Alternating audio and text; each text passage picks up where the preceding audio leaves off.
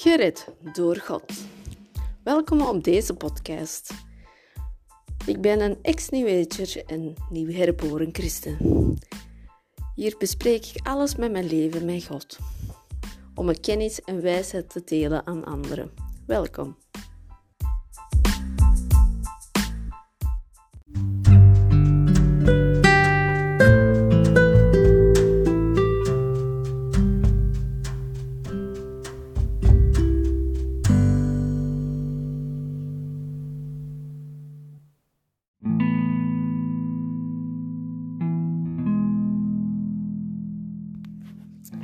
Welkom broeders en zusters. Vandaag wil ik u over praten over engelen. Engelen zijn toch bijbels, horen wij overal. Je ziet overal is een engelenbeelden, engelenfoto's, engelenkaarten. Maar is dat wat God wilt? Zijn we niet weer aan het afgoden? Afgoden van beelden van engelen. Dat is toch een van de geboden, wetgeving van, van God. Ja, goede vraag. We kunnen lezen op de Openbaring 22, vers 8 tot 9. Ik, Johannes, heb ik alles wat er in dit boek staat zelfs gehoord gezien. Een engel heeft het aan mij laten zien. Toen hij mij alles had laten zien, knielde ik om hem te eren. Maar hij zei: Doe dat niet. Kniel alleen voor God, want ik ben maar een dienaar, net zoals jij en de andere christenen die profeteren zijn, profeten zijn.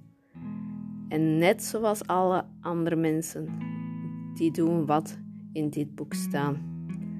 Dus je ziet, apostel Johannes knielde, wou hem eren, maar het mag niet. De engelen staan even hoog als wij. Wij moeten God engel gaan eren, niet de engelen. En waarom is dat nu zo moeilijk? Omdat er altijd rond de pot gedraaid wordt. Engelen wordt gezegd schoon, liefde wordt daar aangeschakeld. Denk aan Valentijn, daar hebben we de Valentijn-engeltje. Maar daar gaat het ook niet over. De engelen zijn soms de engelen die echt voor God werken, die komen niet zomaar op aarde. Alleen als Gods wil is. Je ziet dat in de Bijbelsverhalen, dat er soms engelen die naar de aarde zijn gestuurd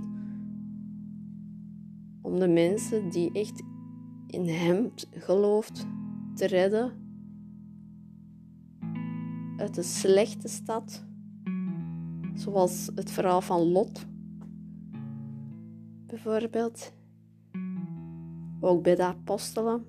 Toen dat apostelen in de gevangenis zaten, kwam een engel om hun poorten open te doen. Ook. Maar de rest mogen de engelen niks met de mensen te maken. Want dat is niet de bedoeling.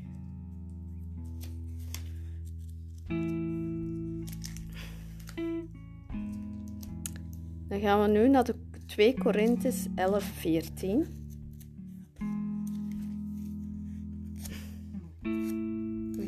dat klopt. 11.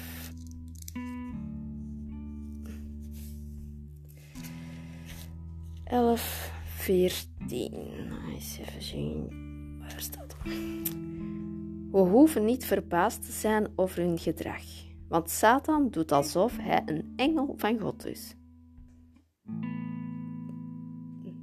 Hoor het? De engelen die we kennen, is eigenlijk Satan. Dus je kunt eigenlijk zeggen, de geestenwereld, de engelenwereld, dat eigenlijk allemaal vermomd zijn van demonen die voor de duivel werken. Want de duivel wil dat wij hem gaan eren, dat we niet God eren. Terwijl dat hij zelf een gevallende engel is. Hij heeft zijn eigen verlangens gaan doen. Wij mogen niet onze verlangens zomaar doen. We moeten Gods wil doen. En daar is het verschil. Dus eer geen engelen. En vraag ook geen raadpleging voor engelen bij engelenkaarten. Want dat geeft valse hoop. En dat zijn weer demonen vastgehecht. Want je bent weer iets bezig dat niet nodig is. Voorspellingen, dat wilt God niet dat je dat doet. God heeft de Bijbel aan ons meegegeven. Dat is ons gids. Daar zit al voorspelling in wat het gebeurt, want het staat vast. We kunnen dat niet zomaar veranderen. Ook niet met visualisatie of manifesteren. Daar ga ik later over, meer over gaan. We gaan nu naar Deuteronomium 18. 10.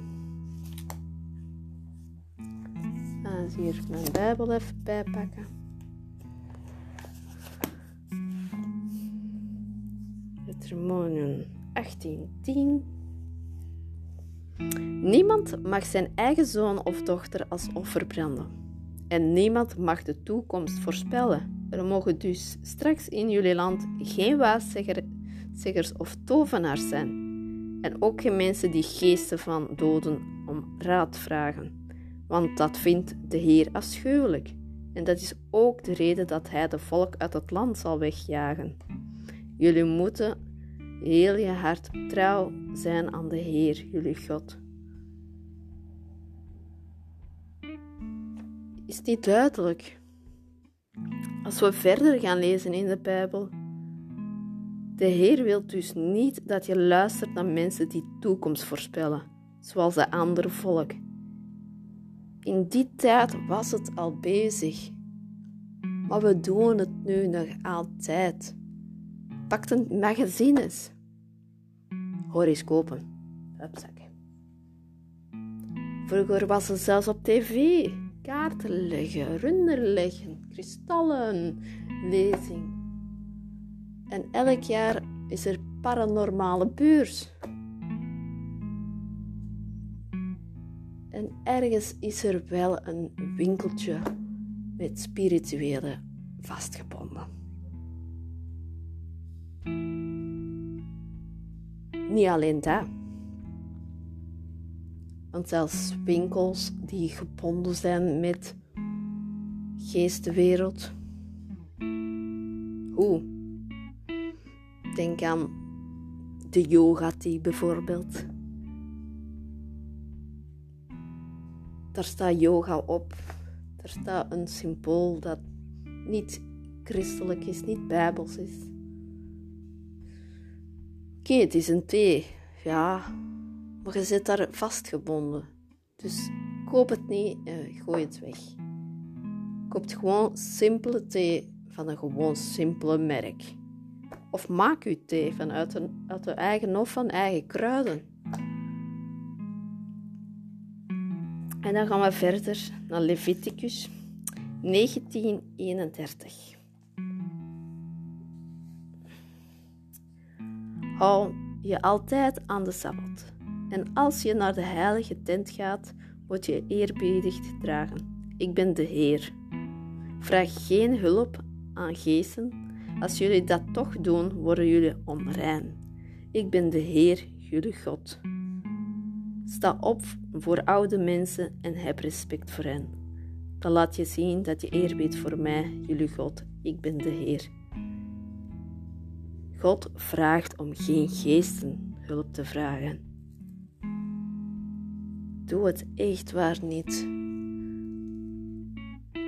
Zelf heb ik daar ervaard. Engelenkaartbord waar dat de alfabetische letters op stond. Dus een Ouija-board, tarotkaarten, zelfs gewoon spelkaarten denk ik dat. Omdat ik niet altijd een tarotkaart bij had. Maar dat is echt niet goed. Elke keer dat ik deed, werd ik ook zo spiritueel aangevallen. Er is een moment dat ik zo hard bezig was dat ik bijna bezeten ben geweest. Je hoort het goed, bezeten. En dat bestaat echt. Je, kunt je moet proberen te onderscheiden wat echt bezeten is en wat een psychische probleem of een psychische ziekte is. Want soms lijken ze alle twee heel hard bij elkaar. Maar daar ga ik weer later meer over praten. Daarna gaan we nog de laatste Bijbelvers kijken, Behandelingen 16, 16. Op een keer gingen de Paulus en zijn vrienden weer naar de plek bij de rivier. Toen kwamen ze een slavin tegen die een kwade geest in zich had. Door die kwade geest kon ze toekomst voorspellen. Zo, verdiende ze veel geld voor haar eigenaars. De slavin liep achter Paulus en zijn vrienden aan en ze schreeuwde heel een tijd: Dit zijn dienaren van Allerhoogste God. Ze vertellen hoe je gered kunt worden. Maar dat deed ze veel dagen achter elkaar. Toen werd Paulus kwaad en hij draaide zich om en zei tegen de kwade geest: Ik zeg in naam van Jezus Christus, ga weg uit die vrouw. En meteen ging die geest weg. Broeders en zusters, ik ken een zuster. Die heeft jaren medium gedaan, mediumschap ben blij dat God haar gered heeft. Want ze is ermee gestopt. Alles achtergelaten. En nu is ze gelukkiger. En ze doet Gods wil. En nu, zij heeft zelfs een boek geschreven. Om anderen te waarschuwen Echt. Doe het niet. Want God wil het niet. God wil u redden. Je hebt de keuze. Ik weet dat dat moeilijk is.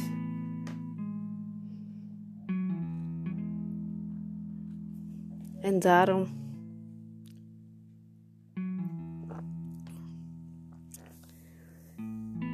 wil ik deze podcast doen om jullie waar te schuwen. Maar er is wel een reddingsmiddel. Want als we de wereld kijken, we kunnen bijna niet overzien. Overal is er spiritualiteit verbonden. Excuseer me. Zeker dat er bijvoorbeeld nu, vandaag en gisteren was het volle maan. Dat is prachtig om te zien. God heeft de maan gecreëerd. Maar het is niet de bedoeling dat je de maan gaat eren of feestdagen en, en ervoor dansen. Nee. Want dan zijn we weer een maan aan het eren. Het is gewoon een simpele dag. En er zijn zoveel dingen dat er als christen eigenlijk niet zouden mogen doen. Of gewoon niet mee met de wereld. Is niet gemakkelijk.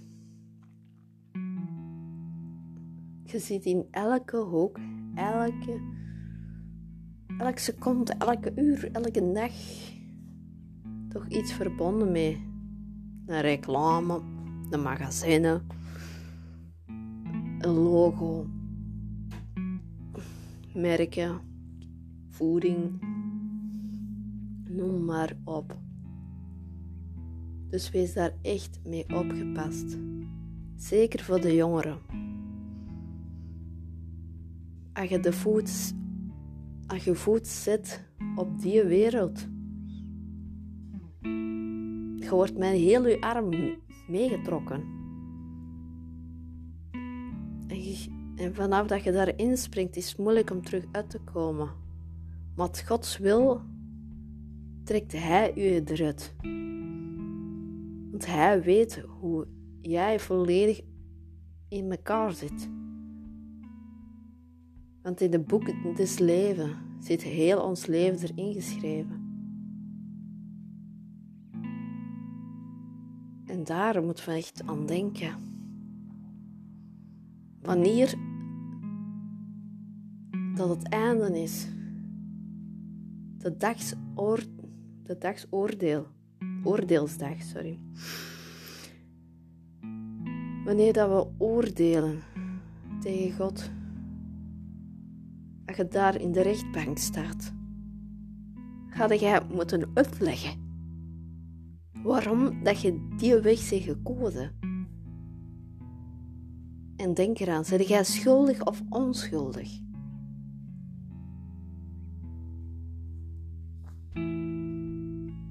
De meesten zullen denken, ja, onschuldig en de ander onschuldig. Zijn de goede mens? De meesten zullen ja zeggen. Maar heb jij je tien geboden al volledig gedaan? Denk daar eens even na.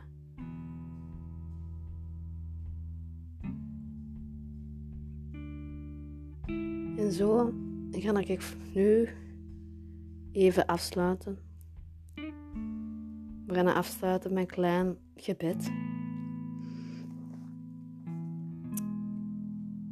Vader, Abba, vergeef ons dat we die pad zijn gegaan. En sommigen zitten er nog in. Red hen in jouw wil. Want u bent de enigste weg en de waarheid. In de naam van Jezus Christus. Hij is geboren en gestorven en herrezen. Hij zit naast jou. En binnenkort komt hij, komt hij terug